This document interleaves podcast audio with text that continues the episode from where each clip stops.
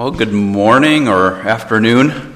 I have no idea how Yarla introduced me. I hope it was true. Um, a lot of people uh, see my last name, Francisco, and expect a tall, dark, and handsome guy. Um, and I'm sorry to, to not meet all those things, but at least I'm handsome. Um,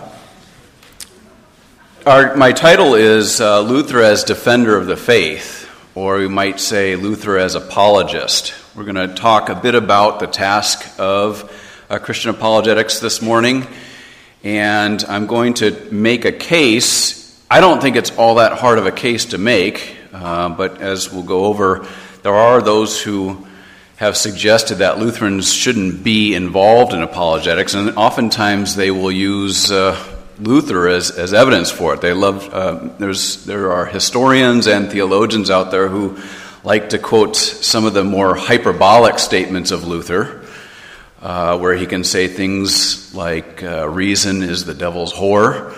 And since he says that, and apologetics uses reason, therefore Lutherans shouldn't uh, engage in apologetics. Uh, we're going to look at that. And then towards the end, we'll look at just the, the apologetic task for Christians today. Um, I don't know how long this will take. I know I have about an hour and 15 or an hour, hour, minute, hour and five minutes or so. Um, I'll try not to take all that time though, because uh, I'm sure on a Friday afternoon nobody wants to hear a history lesson. Um, so, the, what is Christian apologetics? Uh, years ago, over 20 years ago now, I was introduced to this thing called apologetics. I had never heard of it uh, before. Uh, but I sat in a class at Concordia University in Irvine, California, uh, by Dr. Rosenbladt, who you'll hear from this evening. Uh, and he was teaching us this thing called apologetics. And one of the, the one of the first things he told us is that apologetics has nothing to do with apologizing for the faith. Um, apologetics, the term apologetics is derived from the Greek word apologia, uh, which was used uh, as far back as the time of Socrates and Plato and Aristotle. It was a, primarily a legal term. Uh, it re- refers to how somebody would re- respond to the charges that are made against them. So, for example, if you know the story of Socrates uh, being accused of causing the youth of Athens to run wild, uh, he, he's arrested, he's put on trial, and he's given an opportunity to make an apology that is, to respond to the accusations made against him. Uh, it didn't go so well for Socrates. Uh, uh, Luke, uh, the, the author of, of Acts, uh, other New Testament authors use the term apologia or some word derived from that in a number of places. The most uh, pointed verse in the New Testament on apologetics comes from 1 Peter 3:15 where Peter writes uh, that, to, that Christians should set apart Christ as Lord uh, by always being prepared to make a defense uh, for the reason, or make a defense of the reason for the hope within them, and to do it with gentleness and respect. And you see the apologet, this apologetic task unfold right away in the, the history of the church. Uh, Acts chapter 17, there's two great examples of Paul engaging in Christian apologetics. In the first half of that chapter, he's at Thessalonica, and Luke, the, the, the, physician and also historian, says that as was his custom, uh, he went right to the synagogue and began to reason or to argue with the Jews there. And he did this the, from the text of the, the Hebrew Bible or the Old Testament, proving to them uh, that the Messiah had to suffer, had to die, and rise from the dead. Eventually, he has to leave Thessalonica. He goes through Berea, and probably the most famous instance of apologetics, at least in the, the New Testament era, is uh, Paul's journey to Athens, which was the intellectual hub of the ancient world and he encounters, he's in the marketplace for a while. You probably know the story where he's mixing and mingling with people in the marketplace. He observes a whole host of altars to a bunch of different uh, deities, and he encounters one, uh, just in case the Greeks missed one, they had one dedicated to the unknown God. And he's causing a bit of a ruckus uh, by uh, perhaps even debating people in the marketplace. So he's brought up to the high point in Athens, where the Athenians, for centuries at that point, had conducted all their official business legal, political, philosophical, and otherwise. And he's given an opportunity uh, to address the Stoic and Epicurean uh, philosophers there. Now, we don't have the whole extract uh, of, of, of, Paul's sermon there at Athens, just a few verses uh, in Luke's summary. Uh, we know fr- elsewhere, though, in, in Acts that Paul can preach at great length. So I mean, people fall asleep during his sermons and fall out of windows, for example. Um, but what we do have is a sermon or a defense of the Christian faith that terminates in Acts 17, verse 31, when Paul says, And God has furnished proof to all men that what he just told them, these Stoic and Epicurean philosophers, was true by raising his son from the dead. And from the first century up until even the 21st century, the primary defense of Christianity has been a defense based on Jesus' resurrection from the dead as vindication of the fact that he was who he said he was, that he was the Son of God, who came to suffer, to die, to rise again for our sins and our justification. Um, you see the apologetic task. I mean, I'm a historian by training. I don't know if I'm a very good one, but uh, Nevertheless, I teach it, and we, I go on at great length about the unfolding of apologetics over the centuries, but just a few snapshots. In the early church, after the era of the apostles, you have a whole slew of apologetic attack activity by the church fathers. I don't know what the exact percentage would be. Uh, I've never actually done the math because I'm a historian. We don't do math. Um, you can laugh a little bit, that's a joke. Um, uh, I, would say a good quarter, though, of the literature from, let's say, the first 400 years of Christianity could uh, be described as apologetic literature. It's authors like Justin Martyr in the early second century who address addresses even uh, emperors, Roman emperors, in defense of Christianity, uh, to the great Saint Augustine in the early fifth century with his his magnum opus, that 22 book long book called The City of God uh, filled with all sorts of def- defenses of Christianity. And the defenses aren't, while they're based on the resurrection of Jesus from the dead, depending what the charge is, uh, they'll answer those charges directly. So some of the charges made against Christians in the early church are kind of odd to us today. For example, the claim that Christians were cannibals. Uh, Justin Martyr has to address that charge. And you can imagine, though, a Roman a pagan Roman hears about Christians meeting in secret, uh, and they, they, they have a meal where they eat the body and blood, or eat the body and drink the blood of their Lord, that might seem a bit strange to Roman pagans. So it makes sense that they might uh, arrive at that conclusion. But uh, Justin Martyr addresses that. Uh, early Christians were accused of being atheists uh, because they rejected the pantheon of the Greco Roman gods, and so apologists would address that. When we come to St. Augustine, though, uh, in the 5th century, the Roman Empire is slowly but surely, for about a century at that point, being Christianized after the conversion of Constantine. Uh, but in the early 5th century, it's also the time of the barbarian invasions. Um, people from the north of Europe, mostly Germans, I don't know if there were Norwegians mixed in the bunch, but uh, were coming into the Roman Empire and had been for centuries and we're unsettling things. And uh, by the early 5th century, they start sacking cities. Uh, 410 AD, they sack the city of Rome, which for Roman people uh, was uh, unthought of. It was assumed that Rome was the eternal city, it was the navel of the world. And for centuries, Romans assumed that so long as they maintain their traditional religion uh, and perform public sacrifices and public ceremonies, the gods would always protect them, or at least would protect the city of Rome. And 410, a bunch of backwards, knuckle dragging thugs from the north come in and sack the temples uh, and take off with whatever they could get their hands on. And the question was asked, and this is after Constantine but there's still a lot of pagans around. How is it that something like this could happen? How could a city that has stood so strongly? How could an empire uh, that was able to conquer the known world in so short of time uh, fall prey to a bunch of uh, barbarians? And the answer from the pagans that were still living in and around Rome at the time was well, it's because we've turned our back on the pagan religion. More and more Roman people are becoming Christian. And it seems we don't have, because it's so long ago, we don't have the evidence we need to speak with certainty about it, but it seems that that claim by the pagans was gaining some traction. And recent converts to Christianity were reverting back to paganism. And so St. Augustine, it takes him about two and a half years, is begged by, the, by his colleagues uh, to address that particular challenge.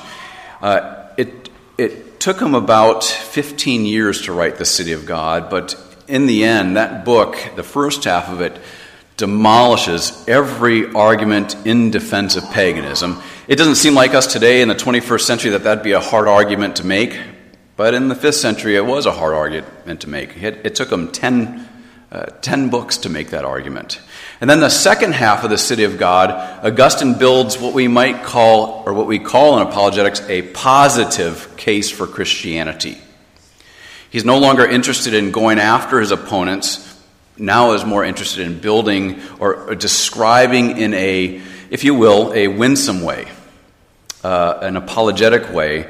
Uh, what the Christian worldview looks like and what the merits for the Christian worldview are, and how could one know that Christianity was true uh, when you compare it amongst the other religions that were on offer in the Roman Empire at that time.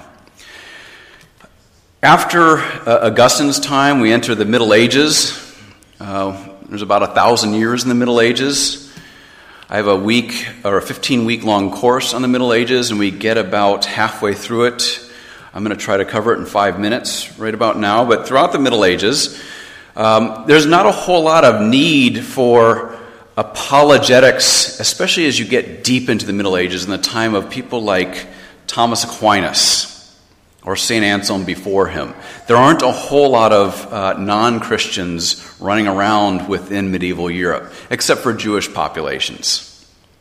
Um, Eventually, you will get a threat that looms large in the east with the rise of Islamic empires and so on. But even though there, most people were Christian in the Middle Ages, you still have Christians thinking about how do we defend the Christian faith against rejections of it. Um, for example, I mentioned St. Anselm. He's late 11th, early 12th century. Uh, in one of his works, he, more of a devotional work, he asks the question if the psalmist says, uh, the fool says in his heart, there is no God, that must mean then, conversely, that it's reasonable, or wise at least, to believe that God exists. And he begins exploring how that could be. How is it, how can it be, uh, apart from merely accepting it as a basic assumption or presupposition, is there another way we can think about God's existence that's that doesn't necessarily meet the standards or the bar of human reason, but that at least is, uh, could be expressed in a, a, a, reasonable manner.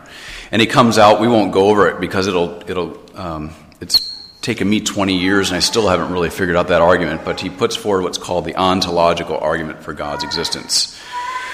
After him, a century after him, Thomas Aquinas comes around. He's probably the, the, uh, um, the poster boy, if you will. That's what we'd say in America uh, for Christian apologetics in the Middle Ages. Uh, he writes five arguments for God's existence that are in, although they've been added to or altered a bit to meet modern challenges, they're still, they still form the basis for arguments for God's existence today. If you know the name uh, Richard Dawkins, and maybe I don't know if you've heard him. Usually people groan when they hear that name. Um, uh, his book, uh, The God Delusion, he goes, he argues that there's no good reason to believe God exists, and he takes on those five ways of arguing for God's existence. He does it in a very terrible way. Um, it's n- not a great book, uh, philosophically speaking. But Aquinas still relevant even today. Um, in addition to that, and that's in terms of the history of Christian apologetics, most historians have concentrated on that sort of scholastic development in the Middle Ages. There are also some other stories in, in uh, or other histories in the Middle Ages that a lot of Christians aren't aware of, mostly because they're, they, are they are kind of buried in, in obscurity. Uh, with the rise of Islam in the early Middle Ages and the expansion of Islam into the central Middle Ages, into uh, you know, the, just east of, the, of Christendom, uh, posed a new challenge for Christians. Uh, and there's lots of different things we could look at, but there are Christians for example, one named Theodore Abu Qurrah, who comes around right after John of Damascus, if you're familiar with that name. Uh, he will, in the ninth century, be an Orthodox uh, Christian living in the East. By Orthodox, I mean he's not Nestorian or Eutychian, but uh, big O Orthodox, but also small O Orthodox. And he will he'll be a bishop in Syria for a while. Um, and this is in Islamic Syria at that time, underneath the Abbasid Empire. And he will be asked to give an account for Christianity at the court of the Abbasid Caliph. Now, that's not exactly the same, but it'd be similar to maybe three, four years ago now to being invited to Baghdad or to Mosul to make a case for Christianity before the, the, the so called ISIS Caliph Abu, Abu Bakr al Baghdadi. And Theodore Abu Qurrah, uh, we would say in the States, or at least in California, had a lot of had stones, cojones, the Spanish would say, gets up and makes a case for Christianity. Uh, argues that, to be sure, Islam claims that they have a revelation uh, from God. Uh, he goes on and says, but it doesn't really have, there's no support for this claim.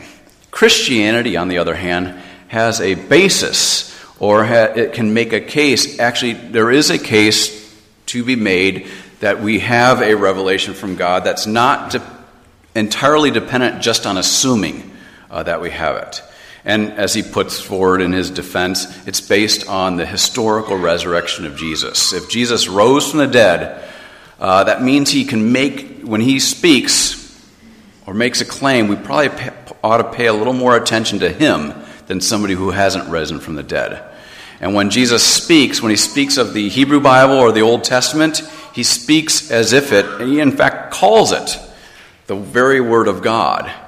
And when he speaks to his disciples uh, in his last days, for example, in John chapters 14 through 16, and tells them that he's going to petition the Father to send the Paraclete or the Holy Spirit to them, uh, who will cause them to remember everything that he taught them. He's referring, he's not only saying that the preaching the apostles will be inspired by the Holy Spirit, but when that preaching is written down into a text, that will be inspired by the Holy Spirit. Here's the interesting thing with Theodore Abu Qurrah. In his day and age, when he made that defense for Christianity in various places, but especially at the court of the Abbasid Caliph, it caused uh, a tremendous amount of turmoil in the Islamic world. It caused what evidence we have suggests that the Muslims, uh, philosophers, and other thinkers that were in that court at that day began to doubt Islam. And the Caliph at that time, Al Mutawakkil, issued an order that from that time forward, in 849 AD, there will be no more debating about religion within the domains of Islam. Um, several centuries later, there will be a man, I like saying his, his, his name, affecting a fake Italian accent. His name was Riccoldo da Monte di Croce. Uh, he was a Dominican monk who, around 1300, uh, in the kind of towards the end of the crusading era, is going to, like other Dominicans in his time, say, you know, the Crusades. They didn't really reject him, but the Crusades maybe are missing a component. They're missing a missionary component. We should send missionaries along with these crusaders. Uh, decides he's just going to go at it alone. He gets on a boat, heads to Jerusalem uh, makes a quick pilgrimage in the Holy Land, and then as he's growing a beard out, heads straight into Baghdad, kind of undercover, if you will. Uh, enters an Islamic theological college, has mastered Arabic, has mastered Islamic theology, and about four or five years into that, nobody knew who this guy was. He begins debating Muslims in the streets of Baghdad. Didn't go well, so well for him. He's beaten up and sent outside the city. They didn't kill him, but he's, he's told he's got to go. Uh, so he spends about a year outside the city of Baghdad, uh, acting as a shepherd And after everybody's forgotten about Riccoldo, he goes around. Baghdad was a huge city back then, still is, but it's kind of a wreck right now. But goes on the other side of Baghdad and enters another theological college and studies for a couple more years and does it again uh, and gets kicked out and sent, goes back to Italy after 10 years in the Middle East. But when he gets back, after all of his experience, uh, he decides he wants to equip other Christians, uh, whether they be Dominican scholars or uh, well read laity, uh, so that they might be able to make a defense for Christianity, and he added to it, also provide reasons so that the followers of Muhammad, as he puts it, uh, might turn from Islam and, and embrace Christianity. What resulted was a work called Against the Law of the Saracens, or Against the Quran, if you will. Uh, he wrote that around 1310 AD, we think. Um, it's pretty lengthy, pretty sophisticated argumentation, very scholastic. When the problem of Islam was under the uh, came in an Ottoman guise in the early 16th century, uh, Luther's going to pick up that work uh, and realize he's got, unlike Riccoldo 200 years before him, who had to go into the Muslim world, the Muslim world was on the very doorstep of Europe uh, by 1529. Uh, the Ottoman Turkish forces were outside the gates of Vienna threatening to bring down that city. Had they taken that city, uh, the belief was at that time, this is just right before the Diet of Augsburg, and may be the, I, I would argue it's the primary reason that the Diet of Augsburg happens. Um, uh, Luther says it's high time that we now uh, begin to think about how we're going to defend ourselves if we find ourselves taken into the Islamic world uh, made slaves or subjects of the Ottoman Empire, uh, so that we might be bold defenders of the Christian faith uh, before a, a, Muslim audience. And so here's where we where Luther enters in uh, the history of apologetics or the tradition of apologetics. Um, I'm going to pause just for a second. If you read around, if you're looking for material on Luther as defender of the faith or Luther as apologist, and you just collect a randomly text, you're going to find an interesting thing. In the one, at least the English history of apologetics, written by an old uh, Jesuit cardinal, a man named Avery Dulles, uh, he, he gives uh, Luther a, a page treatment. And he argues that essentially Luther was a precursor to the melancholy Dane uh, Kierkegaard. Luther was an existentialist. Luther had no need for any sort of apologetics, had no need for reason. Uh, for him, what mattered most was your, exper- your faith experience. Um, if you pick up a, a, more theological work on Luther's understanding of apologetics, uh, at least in English, uh, Siegbert Becker's book, uh, The Foolishness of God, subtitled The Place of Reason in Martin Luther's Theology, He's got a whole chapter dedicated to Luther's apologetics, and he argues that uh, while to be sure, Luther can reflect on classic arguments for God's existence, for example, from Thomas Aquinas, for the most part, Luther had no room for a defense of the faith. Uh, and he quotes a little uh, marginal note Luther made before he was became a, a reformer, uh, where Luther says, um, reason can't help us in anything. Um, if the Word of God says it, it's true, and that settles it. There are bumper stickers in America uh, that say things like this. Um, and so Siegbert Becker concludes that Luther would have been, when he kind of speculates on whether Luther, or perhaps we might say Lutheran theology, can um, legitimize the apologetic task, Becker says in today's approach to apologetics, it can't be.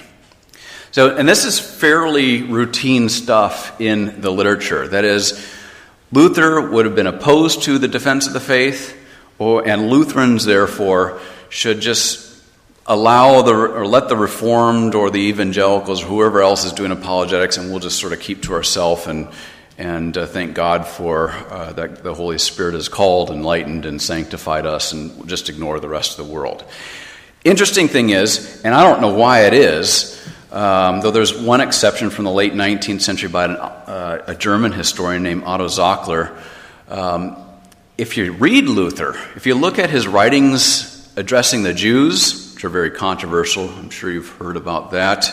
uh, or his writings addressing the Turkish threat, or just his reflections on some of the passages from the New Testament uh, that either describe apologetic activity or ex, uh, exhort Christians to always be prepared to make a defense for the reason, for the hope within them.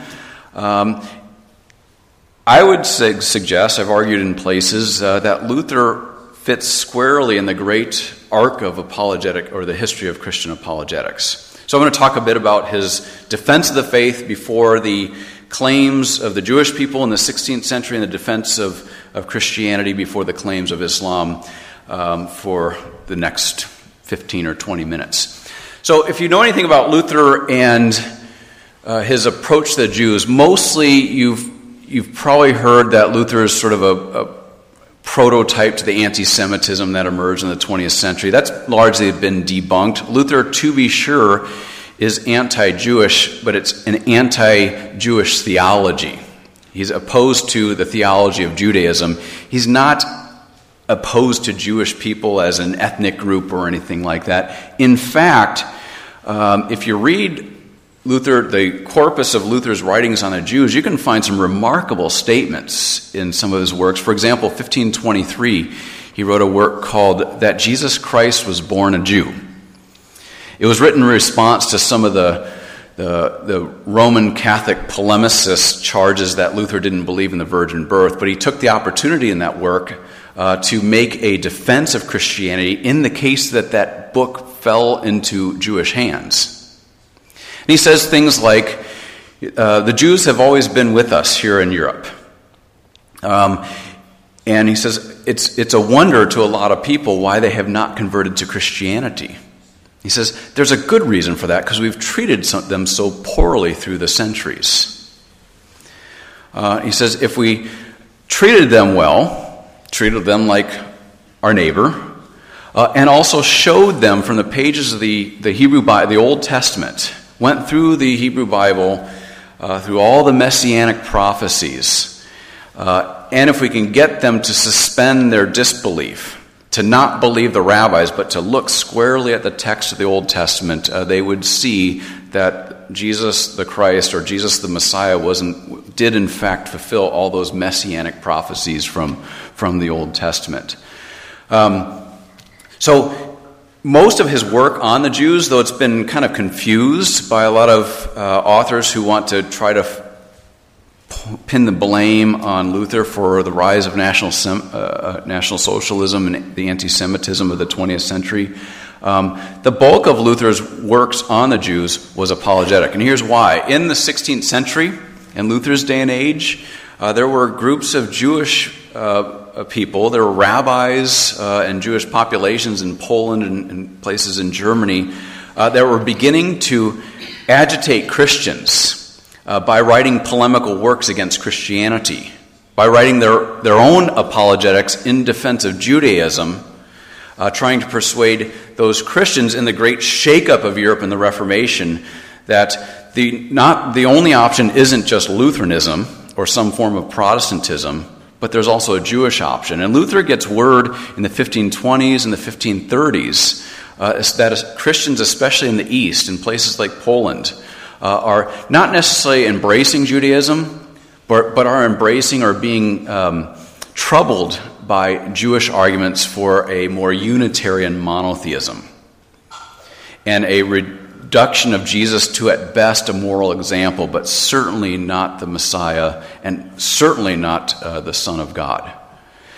So, in light of those things, as well as some of the um, more crasser polemics that some of the Jewish authors were writing, uh, claiming things like these are fairly historical within the Jewish tradition uh, that Jesus was the product of um, you know, Mary being impregnated by some sort of rape uh, and or Jesus being just a big impostor and, and, and, things of that nature. Luther takes that those, that those challenges and uses it as an opportunity to make this case for Christianity. And we, we're not going to go through it here. We don't have time. There is a little article in the Concordia Theological Quarterly called Luther's Use of Apologetics uh, that goes through some of those specifics of his argumentation. But primarily, what Luther does with Judaism is just goes through those classic passages, beginning with Genesis 3:15, with the first announcement of the gospel, uh, all the way to the end of the Old Testament, and shows that um, good exegesis of the Old Testament that's not confused by the teachings of the rabbis or the Talmud but just looks squarely at the text, uh, demonstrates that Jesus uh, fulfills all those prophecies. Moreover, he adds to it, there's all sorts of good historical arguments, extra biblical historical arguments, uh, that Jesus wasn't just the Messiah, but that he was crucified and rose from the dead. Um, we don't know what uh, you know, you know, how widely Luther was read by the Jews in his own era. We know of one instance, though, where there was a Jew in, in Germany named Bernhard Gipher uh, from the eastern parts of Germany who read Luther's that Jesus Christ was born a Jew. Uh, and about a year later winds up at the University of Wittenberg and enrolls as a student, as a Christian student, uh, to study under Luther, so that he could understand the Old Testament uh, the way that Luther understood it, that is, in a very Christological way, uh, so that he could go back to his own Jewish community and begin defending the faith amongst his fellow Jews. We know one other instance of influence Luther had in Judaism. Uh, we're not. Um, it's hard to know the exact details, but his work, that work that Jesus Christ was born a Jew, was translated into Hebrew in the, around the middle of the 16th century. Uh, so for um, especially merchants going into the east so that they might drop it off in Jerusalem. And there were still large Jewish populations in Ottoman Jerusalem at the time. Um, the big example, though, at least in the life of Luther, of apologetic activity is come, comes from his writings on the Ottoman Turks. I said just a bit ago, uh, and you know it much better than, say, American Christians, uh, just how much of a threat the Ottoman Empire. Most Americans don't even know what the Ottoman Empire was, but uh, um, um, the Ottoman Empire in the 16th century was the greatest existential threat to Europe. Uh, even in places as far away as Iceland in the late 16th century, there are prayers written um, uh, to be said in, in divine service, appealing to God to protect Christendom from the terror of the Turk. So uh, Luther's the Reformation begins, and in fact, some you could argue it's been argued before that the Reformation was, or at least Luther's Reformation, was largely successful because of the distraction the Ottoman Turks were for both the Pope and the Emperor. Uh, nevertheless, the Ottoman Empire is pushing deep into Europe, and what uh, one American uh, scholar, probably one our most famous Islamic scholar who died just last year, Bernard Lewis, he says the Ottoman Turkish push into Europe was the great jihad par excellence on Europe. It's at that point in the 16th century that the borders of, of the domain of Islam pushed the deepest into Europe. And in the 1520s, after the Battle of Mohács in 1526 in Hungary, uh, in 1529, when the Ottoman Turks are, are in, at uh, Vienna, Luther decides he's finally got to address this. Already back in the 15 teens, 1519 or so, uh, he was asked uh, to uh, write something addressing what Europe should do in light of the rise of the Ottoman Empire. And he says, I can't really address this now because it's, it's a, th- a, threat that's too far afield. But once they're banging on the gates of Vienna, he decides, I've got to address it, mostly so that I can help ease troubled consciences uh, in Europe uh, in the face of this threat. The first work comes at the right at the beginning of 1529. It's right before the attack on, on Vienna. It's called On War Against the Turk.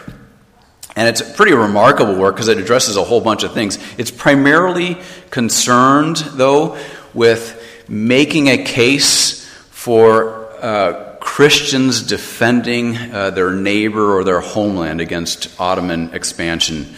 Uh, but in that, in that work, there's a little section where he stops making his case for a just war against the Turk, and he says, Now I want to provide some, a little bit of instruction for my dear readers so that they might know how to think about Islam. And interestingly, Luther at that point says, I have not read the Quran in its entirety. I don't have a copy of it. I've only seen quotations from the Quran from works like Riccoldo's uh, text and a few others. So I can't say a whole lot. But what I can say is this that Islam, uh, despite the fact that it can say some use some of the same words or refer to the same people as Christians, like Abraham or Moses or Jesus, uh, despite the fact that it can talk about or it, it is monotheistic, it has nothing to do with Christianity. In fact, he argues that Islam undermines Christianity or, or seeks to replace or supplant Christianity.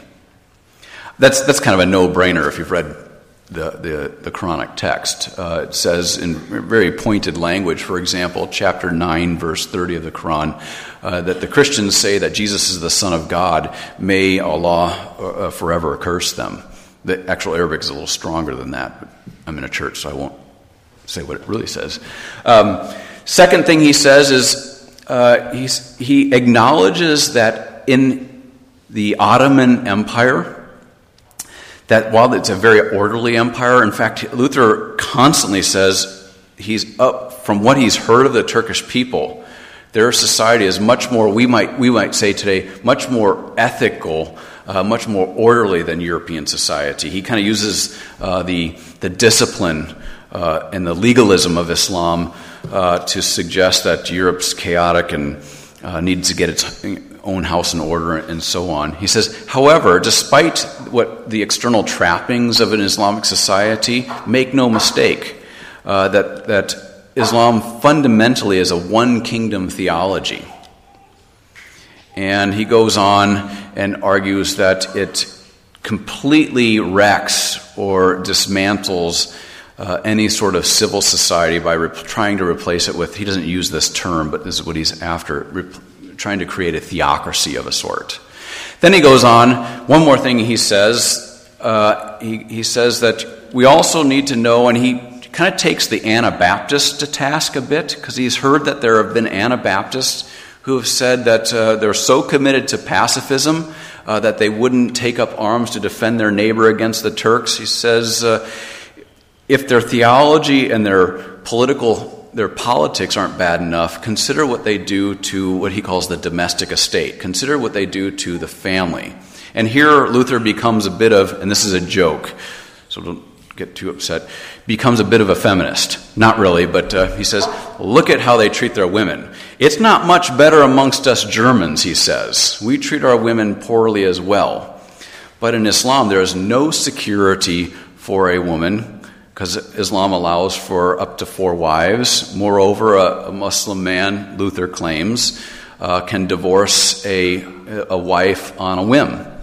And so, not only is there no security for women, uh, there's no security for, for the family. And if you get rid of what he calls the religious estate, the political estate, and the domestic estate, you'll see a collapse of civilization. So it's, it's interesting.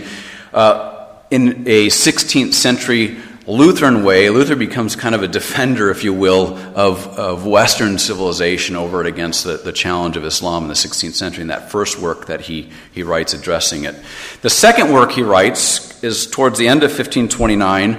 Uh, it's called A Muster Sermon Against the Turk. This has only recently been translated into English. Most people were not aware of it uh, up until maybe a decade or two decades ago. It's a remarkable sermon uh, that was intended to be published as a little booklet. Uh, so that soldiers in particular going off to fight the Ottoman Turks might put it in their pocket and have it uh, just in case they got taken captive as prisoners of war. First half is Luther kind of interpreting the, the, the signs of the times in a very apocalyptic, eschatological way. For Luther, he believed that the Ottoman Empire was the little horn that popped out of the head of the great beast in Daniel chapter 7 that comes out of the sea and displaces three horns. And Luther thinks that you know, he's fairly famous for this, thinks that the, the, the, ends are, the end is coming uh, very soon. One case, it's said in his table talk that he wrote the year 1600 on a wall somewhere and said that the world won't last up until this year. Um, but after he gets through his uh, interpretation of the signs of the times, the whole second half of the muster sermon is a little apologetic tract.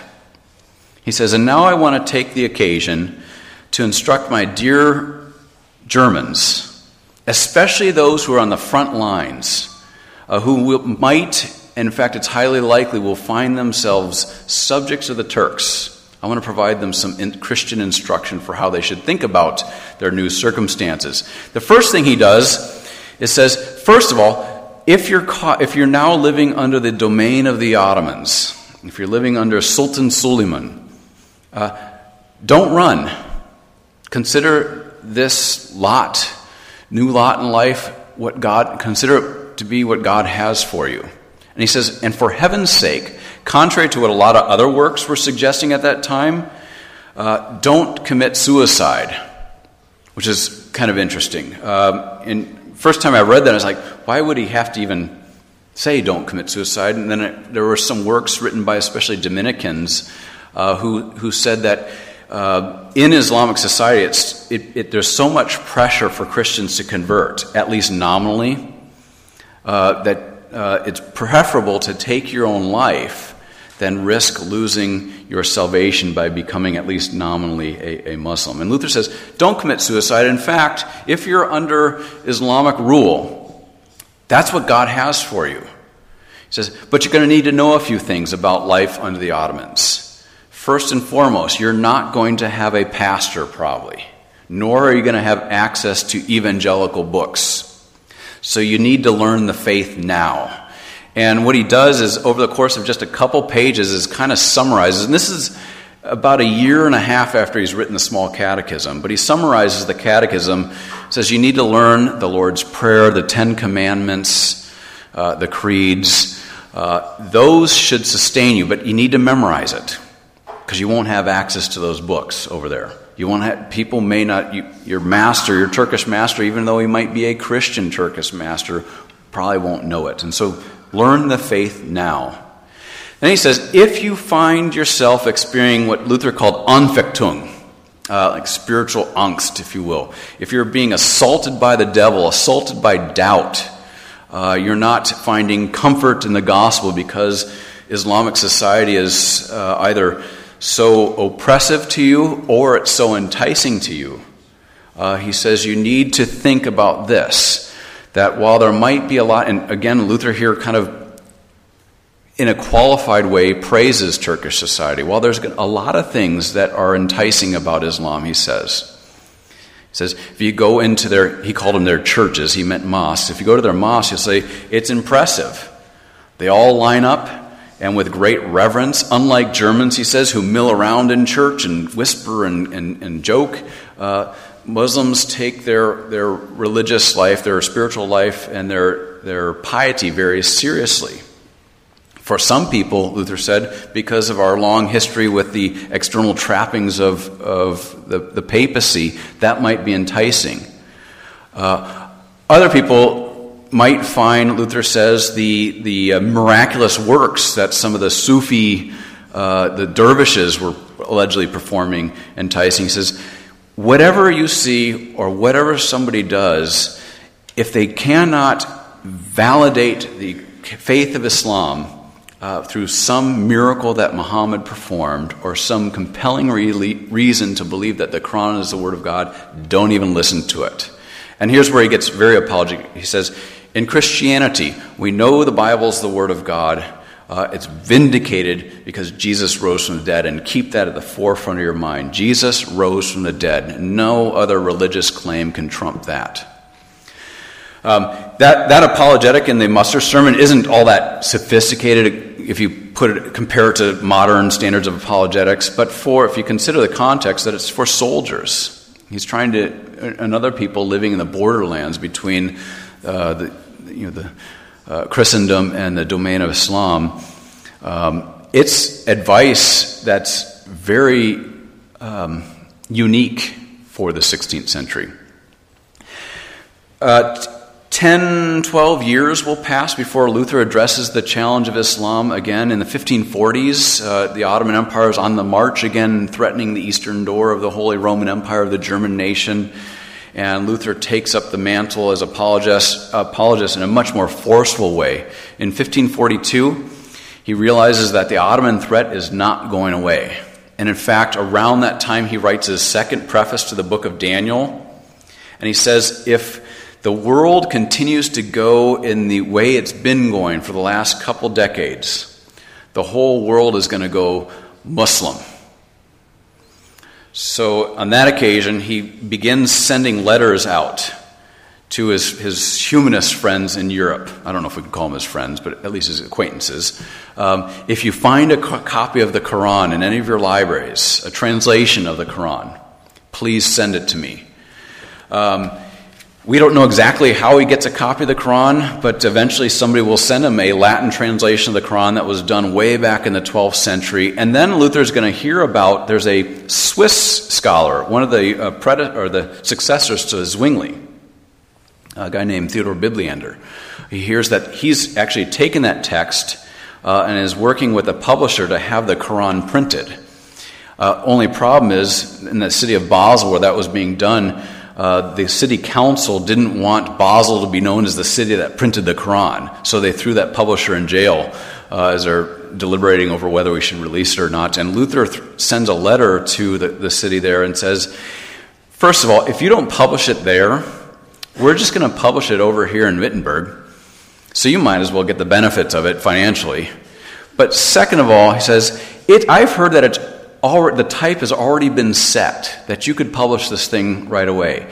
If we expect Christians to be lion hearts in the defense of the gospel before Islam, they need to have access to Islamic writings, the primary source material of Islam. And so Luther says, release the publisher, pub, print the book. And the result was a, what one historian has called the first encyclopedia of Islam. It's not really an encyclopedia, but this massive tome a three part, three volume tome that includes Latin translations of a whole bunch of Islamic writings from the Quran to what are called the Hadith, um, you know, stuff that Muhammad said and did but didn't make its way into the Quran. Um, and then there's a whole section that has histories of Islam, from lives of Muhammad to the history of the Turkish uh, Empire. Uh, and then the third section is a, uh, a collection of uh, everything that had been written by Christians apologetically to address the challenge of Islam. Here's the even more interesting thing. One of the uh, six editions that were published in 1543 of that so called Encyclopedia of the Quran uh, or Encyclopedia of Islam was a preface written by Martin Luther. Go figure that. Martin Luther um, is the author of a preface to the Quran, the first Quran that's printed uh, in a European press. And the preface is pretty remarkable. Luther says, um, towards the end of it, he says, In, in our day and age, up, up until this time, uh, we have had to deal with the Roman Catholic, or the, the papists, as he calls them. The papist defenders of idolatry is how he actually puts it. Uh, we've had to deal with Unitarians, um, he, he, refers to a guy named Michael Servetus, who was a Unitarian who's starting to cause a ruckus within Europe. We've had to deal with the monstrosities, monstros, monstrosities of Anabaptists, the Jews, and now we must contend for the faith in the face of Muhammad says this is especially important for teachers within the church. By that he meant pastors and professors.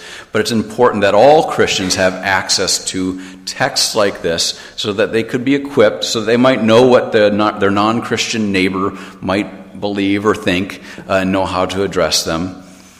Um, and then in, in the very end of it, he says this is a task uh, that is incumbent for all Christians. So that comes out in 1543, right on the heels of what I think is like Luther's greatest apologetic work. It's a, tr- a German translation of that old work uh, da Monte di Croce wrote 200 years prior. Uh, a, a fairly large polemic and apologetic for Christianity in the face of, of, the claims of Islam. I won't go over all the details of that work, um, but what's remarkable with it is that Luther takes a two pronged approach to apologetics in there. The first prong or the first approach is he, he says that when we look at Islam, the first thing we must do, and he's taking his cues from Riccoldo, uh, is we must know how to dismantle the claims of Islam. Uh, the term we might use today in these so called postmodern times is to deconstruct Islam. And about over the first half of, the, of what he'll call the refutation of the Quran is him picking apart the Quranic text and showing that while there might be, he even says, good stuff in there, there's a lot of stuff that is just downright false for a whole variety of reasons. But uh, in one place, he says, if you compare the claims of Islam, if you compare the Quran to any sort of external history, if you try to vindicate or validate that these things the Quran describes actually happened, uh, you'd be hard pressed to find any historical evidence. And when you do find historical evidence, it contradicts the Quran. It, one of the primary cases in point, he says, is if you go to Quran chapter 4, verse 157, you'll see that it says that, the, uh, that Jesus was not crucified, nor did he die. And Luther says this is just one example among many, but this is the primary example of how just the Quran cannot be trusted because they can't even get basic history right. Now, there's about a dozen other arguments he uses. Um, says, but it's just the Quranic text just simply is not reliable as a you know as a, a, work that makes historical claims, let alone a work that allegedly contains the Word of God. Then the second part of the text, he says, now that we've deconstructed or dismantled the Quran and shown that it's foolish and irrational to believe it, uh, let me make a case for the Christian faith. And he uses not the modern kind of techniques of apologetics, but he kind of gets close where he says, because Muslims do not trust the Bible, because uh, at least traditionally speaking, Muslims have claimed that the Bible is filled with corruptions. You know, that the scribes have changed the text, or they've added in their own theological perspective and so on and so forth. Luther says we can't just quote the Bible to Muslims and expect to gain a hearing. Rather, we have to take a different approach. About five years prior, in his, his famous uh, uh, lectures on Galatians, Luther wrote uh, when, it, when it comes to uh, a Christian in the midst of Jews, uh, Muslims, or other religions, they don't have the comfort of quoting the Bible in a uh, religious debate of any sort. They must use some other approach, some other tack. And he says, in that instance, in that context, the Christian must be as wise and subtle of a debater as possible. They must use as, as uh, their reason and their common sense uh, as best as possible to, to make a case for the gospel. Just quoting the Bible isn't enough. This is me paraphrasing Luther. He wouldn't have said it exactly that way. But um, anyway, back to the, his refutation of the Quran. In the latter part, he argues that instead of quoting the Bible to Muslims, the way to defend Islam in, the, in, in an uh, Islamic context, and this might be a bit surprising to you, is he says we have to use the Quran itself. And you say, well, how, how on earth would you do that? Well, Luther's, like other apologists before him who worked in an Islamic context, uh, knew there were certain passages within the Quran uh, that could be given a Christian spin or it could be interpreted in a Christian way. For example, chapter 4, verse 171 of the Quran uh, refers to Jesus as the, uh, uh, the Word of God, the Kalimatullah uh, and also refers to a thing called the Holy Spirit. And Luther says, in a side note, he says, the Holy Spirit probably caused Muhammad to write this into the Quran so that Christians could use it. Uh, to, to, defend the gospel in a Christian context. I don't advocate for Luther's approach here in defending the faith uh, uh, or defending the gospel in Islamic context that way, but it certainly is very creative. Uh, it's a very different tack than one might assume Luther would take if you just take the, uh, the, uh, the opinions that modern uh, scholars have said about uh, Luther concerning apologetic activity. Nevertheless, throughout that whole section, Luther goes on and says, and if you, if you don't use the Quranic text against Islam, you have history and other evidences for the Christian faith to use. Most notably, he says, you have the resurrection of Jesus from the dead. And what he means there is not just as some sort of like thing you feel, but a real resurrection from the dead that happened in real time and real space. What Luther is doing there is kind of like what Luther did, or what, um, what Paul did before King Agrippa in Acts 26, when he's given a opportunity to make an apologia, as Luke puts it, and he's and he make he talks about how he became an apostle, and then he he talks about. Um, uh, that the Old Testament said that the Messiah would suffer, that he would die, and that he would rise again. And then he stopped mid speech, and somebody, uh, I think it's Felix, says to Paul, Paul, your great learning has driven you mad. Would you, in so, so short of a time, think that you convince King Agrippa to become a Christian? And Paul says, Not only do I wish I could convince King Agrippa, but I wish I could convince everybody here uh, to become Christian because they know the things I am speaking about, namely the crucifixion and the resurrection of Jesus, did not happen in a corner. That is, these are real historical events that anybody could look at uh, and were the primary evidence for the truthfulness of Christianity. So I, I'm kind of running short on time here. In short, though, for Luther, um, one thing that cannot be said and please don't do it if you're a Lutheran. Everybody's a Lutheran here, I think. Um, don't use Luther as an excuse for not doing apologetics. Luther was very much an apologist.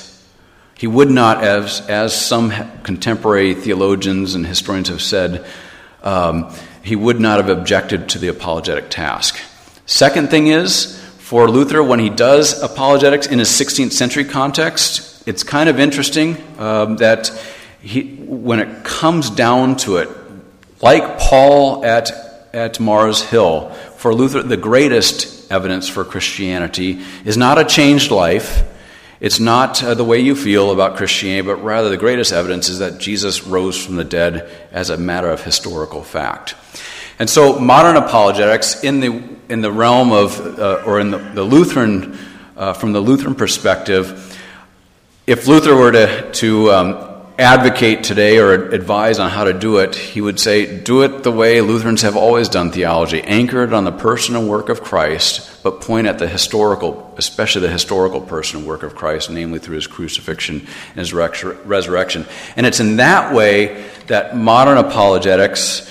Uh, it uh, shows, like uh, Second Peter says, that is that Christianity is not some cleverly devised myth but rather the things we speak of, the things we place our trust in, uh, didn't happen in a metaphysical corner, but really were historical events. But more than that, were events that were for, for us and for our salvation.